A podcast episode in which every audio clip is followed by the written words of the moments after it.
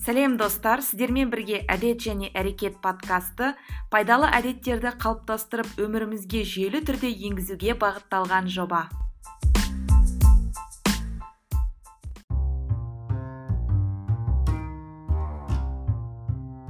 Сәлем сәлем әлем. Сіздермен бірге әдет және әрекет подкасты. Менің есімім жанар және біз бастаймыз.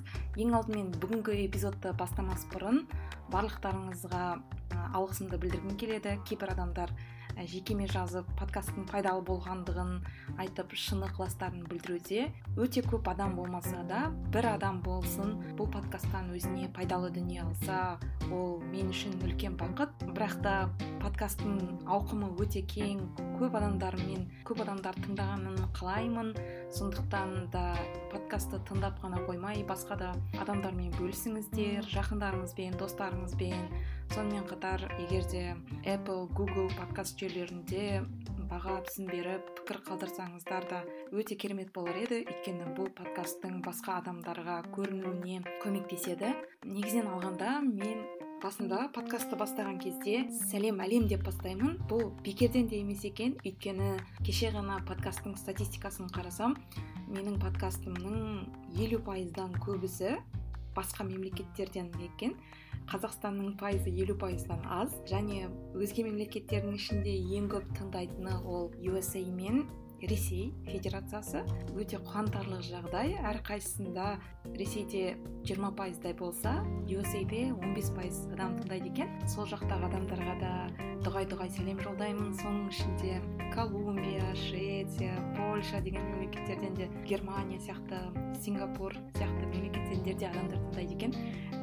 Сіздерге де дұғай дұғай сәлемдер жолдаймын. Бүгінгі жетінші эпизодтың тақырыбы agile методологиясын жеке өмірімізде әдет қалыптастыруда қалай қолдануға болатыны жайлы сөйлесеміз.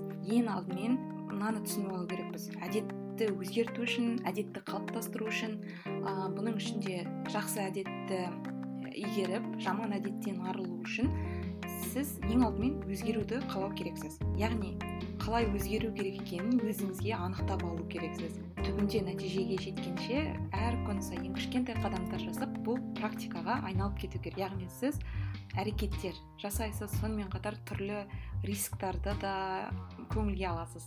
Негізінен алғанда томми робинс деген өте мықты оратор айтқан екен қайталау ол қабілеттің анасы деп. Сондықтан кез келген қабілетті толықтай қалыптастыру үшін біз оны қайталай беретін болсақ мен негізінен кішкентай балаларды мысалға алғым келеді. Өйткені олар қолынан келмесе де қанша рет сүрінсе де жыласа да бір нәрсені орындамай оған бас тартпайды яғни оларда ондай нәрсе жоқ. Басқа адамдар не дейді деген сияқты немесе болды қолымнан келмеді деп тастап кетпейді. Ол нәрсені қолынан келгенше жасай береді. Негізінен алғанда agile жайлы айтатын болсақ agile бұл өте танымал методология. Негізінен алғанда ә, түрлі программалық бағдарламалық ә, жобаларды басқаруда қолданылады. Бұл жобаның басты қасиеті дейміз ба? Ол кері байланыс және икемділік өзінің аты айтып тұрғандай. Ә, ең алғаш 2001 жылы пайда болған. Ә, бұған дейін аджайлға дейін адамдар негізінен жобаны басқаруда дәстүрлі жүйені қолданған болатын. Бұл негізінен сарқырамалы дей ма? Қазақшаға аударсақ waterfall ол жүйе бойынша біз бір нәрсені жасаған кезде келесі сатыға ауыса алмаймыз. Ол сатыдағы ол деңгейдегі шаруа бітпегенше біз келесі нәрсені орындай алмаймыз. Яғни әрбір келесі саты ол алдыңғы сатыға байланысты болады. Ал agile не дейді? Ал agile команда бірге жұмыс жасайды. Agilда көп нәрсені өзгертуге болады. Бұл жерде қатып қалған құжаттама жоқ. Көбінесе бір нәрсені орындауға сізге мысалы бір жобаны орындауға екі жылдай уақыт керек емес. бір программаның мысалы бір қасиетін жасау үшін бір бөлігін жасау үшін сізге аз ғана ғана уақыт қажет. Agile манифест деген бар agile идеялары бар. Негізінен қысқаша айтатын болсақ agile төрт маңызды идея бар. Оның алғашқысы адамдар және олардың бір бірімен әрекеттесуі ол үрдістер мен құралдардан маңызды дейді. Екінші нәрсе ол істеп тұрған өнім керемет құрастырылған құжаттамадан маңызды. Үшінші нәрсе тапсырыс беруші мен серіктестік келісім шартты мақұлдаудан маңызды. Төртінші ол өзгерістерге дайындық бастапқы жоспармен жүруден маңызды. Біз ә, бір нәрседен қатып қалған жоспардан қатып қалған мақсаттан мақсатты ұстанбауымыз керекпіз. Яғни әрқашан икемді болу керекпіз. Және бір нәрсені орындау барысында ол мақсат біздің қажеттілігімізден шығып қалуы мүмкін. Және ол бізге ондай актуалды болмай қалуы да мүмкін. Бұл жобаның жақсы жақтары өте көп. Және аджайлда негізінен скрам канбан сияқты түрлері бар аджайлдың бұның ішінде скрамды айтатын болсақ оның бұл негізінен ағылшындарда регби деген ойын бар. Ә, скрам ә, қазақшаға аударатын болсақ арпалыс дегенді білдіреді. Ә, яғни спорттық ұғымнан келген ә, бұның негізгі негізін қалаушы джефф сазерланд деген ә, кісі скрамның негізінен басты ерекшелігі. Ә, сіз итерациямен жұмыс істейсіз. 15 күннен 30 күнге дейінгі аралықта болуы мүмкін. Сонымен қатар сізде егер де біз IT жағын айтатын болсақ сізде күн сайын ә, жиналыстар болып тұрады. Олар да қысқа 15 минуттық жиналыстар. Олар дейли стендап деп аталады. Яғни бұрынғы кездерде енді америкада бір жобаны талқылаған кезде адамдар скрамның артефакттары бар. Мысалы ә, скрам тақтайшасы дейді. Сондай тақтайшаның алдында тұрып тік тұрып өзінің не істегені жайлы есеп береді екен. Мысалы мен кеше не істедім? Ә, бүгін не істемекшімін? Және маған кедергі келтіретін мені тежеп тұрған қандай нәрселер бар деген сияқты сұрақтар қою арқылы. Тағы бір скрамның ерекшелігі ол сіз спринт дегеніміз екі апталық мерзім дедік иә осы екі аптаның ішінде жасаған жұмыстарымызға талдау жасау үшін біз ә, спринт ревью жасаймыз.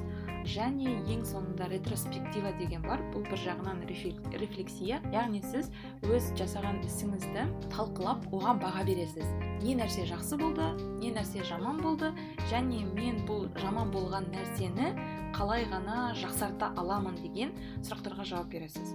Ал канбан дегеніміз бұл негізінен ә, жапонияда пайда болған ең алғаш рет тойота компаниясы осы канбан жүйесін қолдана бастаған. Бұндағы негізгі нәрсе ол канбан тақтайшасы. Ол жерде канбан тақтайшасы үш бөлікке бөлінеді. Ә, бірінші бағанда істеуім керек заттар белгілі бір тізім болады. Істеу керек заттар туду лист деп айтсақ болады. Одан кейінгі ортаңғы бағанда қазір істеп жатырмын. Яғни істеу барысындамын. Одан кейінгі үшінші бағанда істелінді. Бұл жүйенің негізгі ерекшелігі ол сіздің істеп жатқан жұмысыңыз көз алдыңызда болады. Яғни ә, сіз көз алдыңызда визуализация арқылы біліп тұрасыз және бұл бір жағынан жариялылық. Скрамның да мақсаты ол жариялылық.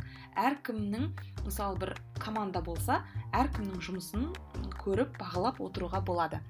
Енді бұл ә, agile kanban scrum жүйелерін біз өмірімізде қалай қолдана аламыз?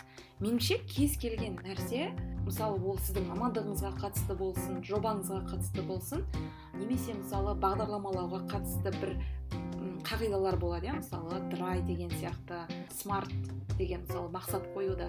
Бұның барлығын біз күнделікті өмірде қолданып көру керекпіз. Яғни отбасымызға жеке өмірімізде қалай қолдануға болады деген сияқты сұрақтарды қою керекпіз деп ойлаймын. Сондықтан бүгінгі подкастта мен аджайл аджайл бойынша өмірді қалай жоспарлауға болады? Сол туралы сөйлеспекшімін ең алдымен біз өзіміздің барлық талпыныстарымыздың тізімін жасау керекпіз. Одан кейін бұл тізімді бақылай отырып ол талпыныстан қалауымыздан біз мақсат құра білу керекпіз. Негізінен мақсат құрудың бірнеше әдісі бар. Бұрынғы эпизодтарда айтқандағыдай ол теңгерім баланс арқылы жасасақ болады немесе свот анализ қолдансақ болады. Свот анализ деген бұл біз бір бетті төрт бөлікке бөлеміз де ол жерде ә, ең мықты жақтарымызды жазамыз. Одан кейін әлсіз жақтарымызды жазамыз. Одан кейін мүмкіндіктерімізді жазамыз және бізге қауіп қатер тигізуі мүмкін заттарды жазамыз.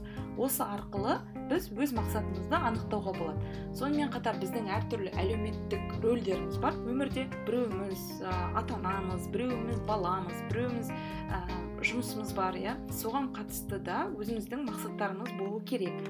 Түрлі коучингтік сұрақтар қою арқылы мақсаттарымызды анықтауымызға болады. Ең алдымен бұл бізде негізінен скрамда бэклог деген бар продукт бэклог өнімге жасауға қатысты істердің тізімі жазылады.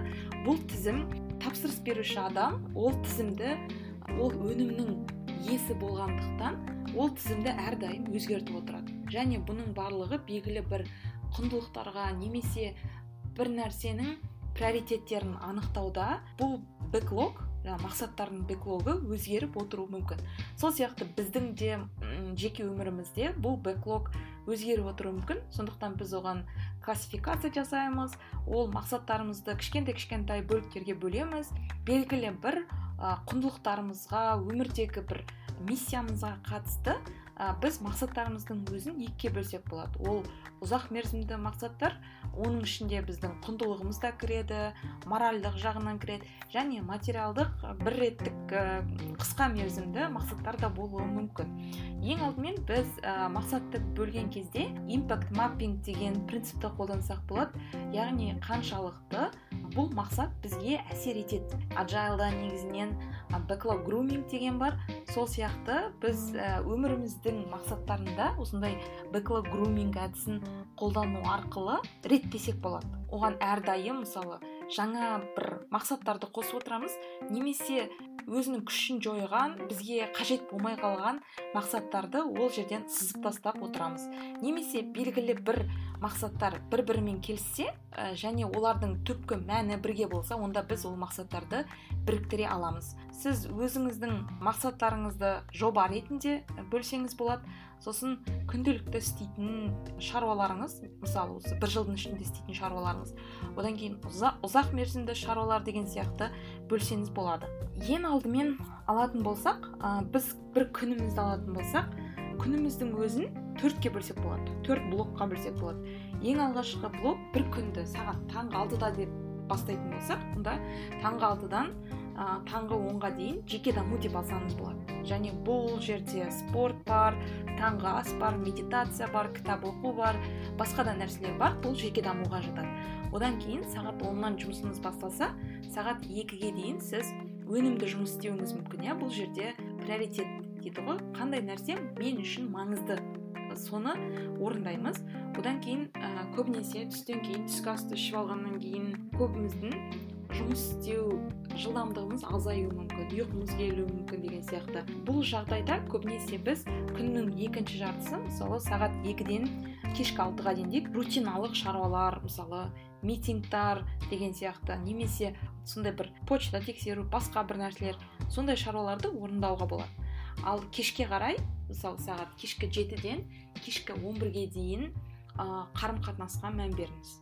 Өзіңіздің отбасыңызбен немесе достарыңызбен сүйіктіңізбен қандай қарым қатынас жасайсыз? Осыған мән беріп осылай төртке бөліп қойсақ болады. Ә, және өмірде негізінен алғанда рутиналарды қалыптастыру өте маңызды. Мысалы бір өзіңізге ойлап тауып алу керексіз рутина. Әрбір әрбір сейсенбі сайын мен әйеліммен кездесу өткіземін деген сияқты иә? Мысалы немесе әйеліммен бірге сөйлесемін сондай бір ерекше мерзім осы бірақ бұл өзгеруі мүмкін мысалы сіз дәл сейсенбі күні орындай алмасаңыз онда бейсенбі күнге қойыңыз бірақ бұл бір аптаның ішінде орындалу керек. Бұл аджайлды білдіреді яғни сіз қатып қалған мақсат қойдыңыз бізде бір рутина бар белгілі бір нәрсенің яғни біз демалыстың өзін жоспарлаймыз. Мысалы ә, жалқаулыққа салыну керек болса онда жалқаулықтың өзін жоспарлау керекпіз. Мысалы мен қазір инстаграмды қарағым келіп тұр бір нәрсеге бір күшті страницаға кіріп кеттім. Және бұның өзін жоспарлы түрде жасау керек. Әр уақытта мен не істеп жатырмын деген сияқты бір сұрақ қойып тұрмыз. Мен неге жасап жатырмын бұны? деген сияқты. Одан кейінгі нәрсе ә, мысалы менде әрбір демалыс кезінде менде мысалы бэклог бар ә, фильмдердің мультфильмдердің ә, сол мультфильмдерді бэклогтан қарап отырамын. Мысалы маған осы аптада қай мультфильмді қараймын деген сияқты қай киноны қараймын. Немесе бір кеңес берсем бір адам маған соны қарауым мүмкін. Бұл менде аджайл бойынша жүреді. Өйткені менде қатып қалған нәрсе жоқ. Ә, тек қана жұма күні кешке қараймын деген сияқты. Жұма кешке қарауым мүмкін немесе уақытым болмаса сенбі қарауым мүмкін жексенбі қарауым мүмкін. Кей кездерде мейрамдар болған кезде онда мейрам күні де қарауым мүмкін. Сол сияқты. Бірақ бұл сізде бір жерде тіркеліп тұру керек. Мен осындай шаруаны осы уақытта істеймін деген сияқты келесі канбан жүйесі туралы айтатын болсақ мен канбан жүйесін өзімнің жеке мақсаттарым үшін және кітап оқу үшін қолданамын. Бұл өте пайдалы құрал. Өйткені сенің көз алдыңда бүкіл жасайтын шаруаларың тұрады және оны белгілі бір тегтер бойынша сіз өміріңізде неше түрлі мақсаттар болуы мүмкін иә? Мысалы ә, жұмысыңызға қатысты жеке өміріңізге қатысты жеке дамуға қатысты деген сияқты спортқа қатысты соның барлығын белгілі бір тегтар арқылы белгілеп көз алдыңызда ұстасаңыз болады. Канбан жүйесі үшін трелло қосымшасын қолданамын. Бұл өте керемет қосымша сіздерге де кеңес беремін. Негізінен ең алғаш рет мен бұл қосымшаны данияр жігітбектен көріп қалдым. Өйткені ол кітап оқуға соны қолданады екен. Мен де соны екі жыл ішінде кітап оқуға қолданып жүрмін. Өте пайдалы. Және бір жағынан даниярға да бұл лайфхак үшін рахмет. Канбанды біз отбасымызға да қолдансақ болады. Егер де сіздердің балаларыңыз болса осы канбан жүйесін біз отбасымызға енгізсек болады. Мысалы треллода сіз отбасыңыздың әркімнің істейтін шаруаларын жазып қоюға болады. Яғни бұл сіздің балаларыңызда белгілі бір жоспарлау жұмысын жоспарлауды ұйымдастырады. Сіз негізінен канбан тақтайшасын тек қана трелла қосымшасы емес үйіңіздің кез келген жерінде жасасаңыз болады. Мысалы мен бұрынғы уақытта жұмыста болған кезде түрлі түсті стикерлер бар ғой қызыл жасыл сары. Сол стикерлерді алып қойып оны жұмыстағы кәдімгі магнитті тақтаға жабыстырып сол жерден өзімнің прогрессімді көріп отыратынмын. Мен қандай шаруа істедім не жасалынды не жасау керек? Сіз бұны өз үйіңізде де жасасаңыз болады. Мысалы кәдімгі тоңазытқыштың алдына немесе өзіңіз отыратын монитордың жоғарғы жағына. Бірақ ол сіздің көз алдыңызда болу керек. Мысалы кәдімгі шкафқа сол стикерлерді жабыстыру арқылы өзіңіздің жұмысыңызды бақылай аласыз. Бұл ең алдымен сізге белгілі бір анық сезімді көрсетеді. Енді біз әрбір спринт ретінде бір аптаны алсақ болады. Спринт екі аптаға созылады бірақ біз жеке адам ретінде бір аптаны алып көрейік. Бір аптаны алған кезде мен сіздерге мынандай кеңес беремін. Аптаның үштік үштік ережесі деген бар. Яғни сіз бір күннің үш маңызды нәтижесін жоспарлайсыз. Бір аптаның үш маңызды нәтижесін жоспарлайсыз және бір айдың үш маңызды нәтижесін жоспарлайсыз. Бұл үштік ережесі деп аталады. Бұл сіздің негізгі мақсатыңыздан ауытқып кетпеуге көмектеседі. Бұны қалай жасаймыз? Ең алдымен мысалы келесі апта басталайын деп жатыр иә? Біз ол аптаны үш негізгі мақсатын қойып аламыз. Біздің қазір үшін біз үшін не маңызды? Бұл жерде сіз үш мақсатты былай жасасаңыз болады. Бір мақсат ол жұмысыңызға қатысты мақсат бір мақсат. Одан кейін барып бір мақсат ол жеке дамуға қатысты мақсат және бір мақсат ол спорт физикалық дамуға қатысты деп алатын болсақ бұл бір аптаның мақсаты үш үлкен мақсат қоясыз. Одан кейін барып келесі мысалы дүйсенбіні жоспарласаңыз дүйсенбіге үш мақсат қоясыз. Айдың да өзінің үш негізгі мақсаты болады. Сөйтіп сіз күн сайын әр күнді бастаған кезде жаңа қадам жаңа күн бастаған сияқты боласыз. Мысалы бүгін үш мақсат қойсаңыз бұл үш негізгі мақсат яғни қатып қалған үш мақсат қана қой деген жоқ үш мақсат бірақ сіз оны көбейтсеңіз де болады бірнеше мақсат қосып. Сіздің негізгі мақсатыңыз осы күннің үш нәтижесін орындау. Яғни күннің соңына қарай мен қандай үш нәтижеге жеткім келеді? Менің ойымша бұл өте керемет әдіс. Өйткені сіз бұны бір ойын ретінде көресіз. Яғни сізге әр күн бір оқиғаларға толы сияқты болады. Негізінен алғанда скрамда юзер стори деген нәрсе бар. Юзер стори дегеніміз бұл бір нәрсені мен қалай жасаймын? Мысалы мен жанар ретінде жұмысыма қатысты бір нәрсені былай жасаймын деген сияқты. Ол жерде не үшін деген сұрақ қойылады кім және не? Бір нәрсені не үшін қалай жасаймын деген сұраққа жауап беру керексіз. Сондықтан сіздің кез келген мақсатыңыз түсінікті толық түрде жазылу керек. Яғни қай уақытта жасаймын не үшін жасаймын немесе оны кіммен бірге жасаймын қай жерде жасаймын деген сияқты сұрақтарға жауап беру керек. Яғни осы арқылы сіз әр күн сайын сізде үш жеңіс болады әр аптаның үш жеңісі болады әр айдың үш жеңісі болады және әр жылдың үш жеңісі болады. Бұның ішінде сізде онша емес күндер де болуы мүмкін. Мысалы сіз өзің нәтижеңізге жете алмасаңыз онда сіз мынандай үш мақсат қойсаңыз болады. Мен бүгін ең жеңілін алайық иә? Таңертең жақсы таңғы ас іштім. Немесе түсте дұрыс жақсы тамақтандым кешке дұрыс тамақтандым деген сияқты. Әрине бұл жерде біздің юзер стори дегеніміз яғни бізде бір юзер стори болса аптаның юзер сторисі онда ол өте жеңіл түсінікті болу керек. Яғни сіз өзіңіз түсінетіндей болу керек. Және сіз осы үш мақсатты орындауға өзіңізге бір шектеп қоясыз да. Мысалы бүгін осы үш нәрсені бітіру керекпін деген сияқты. Кәдімгі жобада қолданатын скрамдағыдай өміріңізде де бұны қолданасыз. Ең алдымен мысалы сіз бағдарламашы болсаңыз біз өзіміздің өмірімізді мысалы жобадан жұмыстан бөлек ретінде қарастырмау керек сияқтымыз. Бұның бір байланысы бар. Әр адам өзінің өмірінің сәулетшісі мысалы архитектор деген қызмет бар ғой IT саласында. Архитектор IT архитектор деген бар иә. Ол қалай болу керек өміріңді қалай жобалау керексің соған жауап береді. Сондықтан сіз өзіңізді негізінен өміріңіздің архитекторы ретінде қарастырыңыз. Мысалы сіз белгілі бір юзер сторилар жасайсыз және ол сізді әрекет етуге шабыттандырады. Және біз кез келген нәрседе белгілі бір шектеу қою керекпіз. Сонымен қатар мысалы апта біткен кезде күн біткен кезде бізде скрамдағыдай ревью болу керек. Әр күннің ревьюі мысалы бүгін мен алдыма қойған нәрселерімді орындадым ба? деген сияқты иә?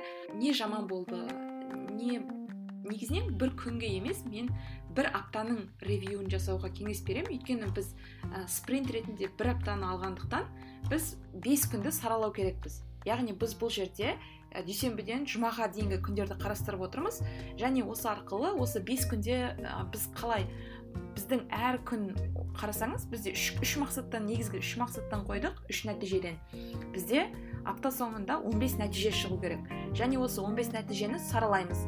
Не жақсы болды не жаман болды және бұны қалай жақсартуға болады деген сияқты. Біз негізінен белгілі бір бақылау жасау арқылы белгілі бір талдау жасау арқылы өзіміздің ә, нені дұрыс жасамай жүргенімізді нені дұрыс жасап жүргенімізді білсек болады. Енді әдетке келетін болсақ әдетте ең алдымен компаунд эффект деген бар иә? Яғни біз күнде күнде кішкентай кішкентай нәрседен жасау арқылы үлкен бір ә, нәтижеге жете аламыз. Әдетке келетін болсақ agile жүйесін әдет қолдан әдетті қалыптастыруда қолданған кезде ең алдымен үш негізгі мысалы бір спринтқа біз әдет алсақ болады. Ол әдеттер біздің денсаулығымызға қатысты қарым қатынасқа қатысты және біздің дамуымыз бен жұмысымызға қатысты үш әдет аласыз.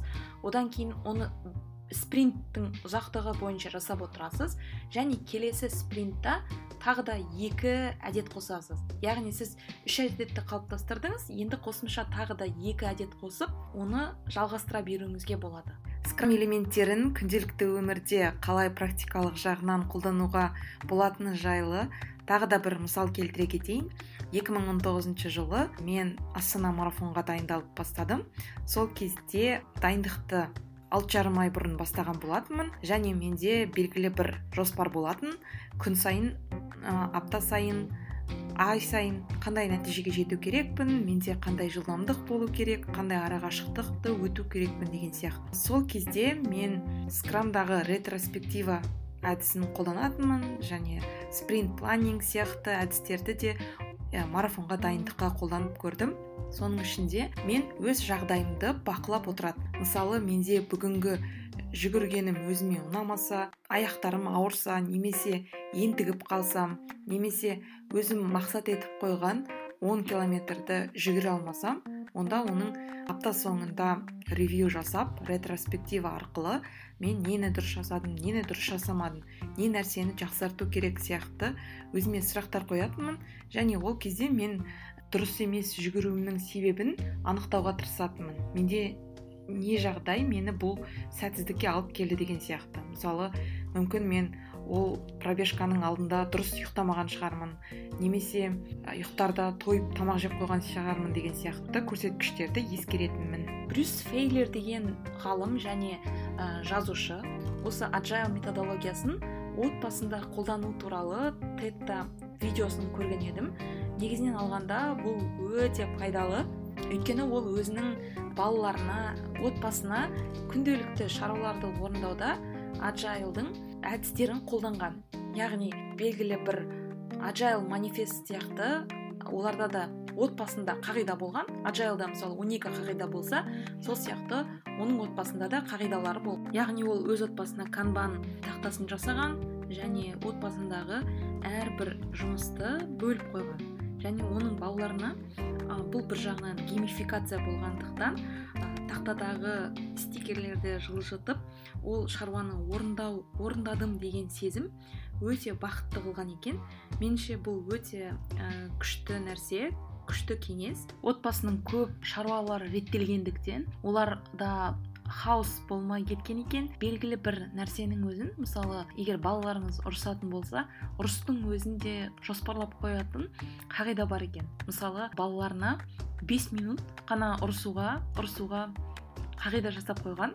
Сондықтан балалары қазір ұрысу уақыты деген сияқты сөйтіп. Уақыт белгілеген екен. Тек ұрысу уақытында ғана ұрысады. Және кез келген бір нәрсе болып қалса ол отбасының қағидасы ә, көрінетін жерде ілініп тұрады екен. Соған қарап бала мен қазіргі жасайын деп жатқан нәрсем біздің отбасымыздың қағидасына құндылықтарына сай келе ме жоқ па? деген сияқты.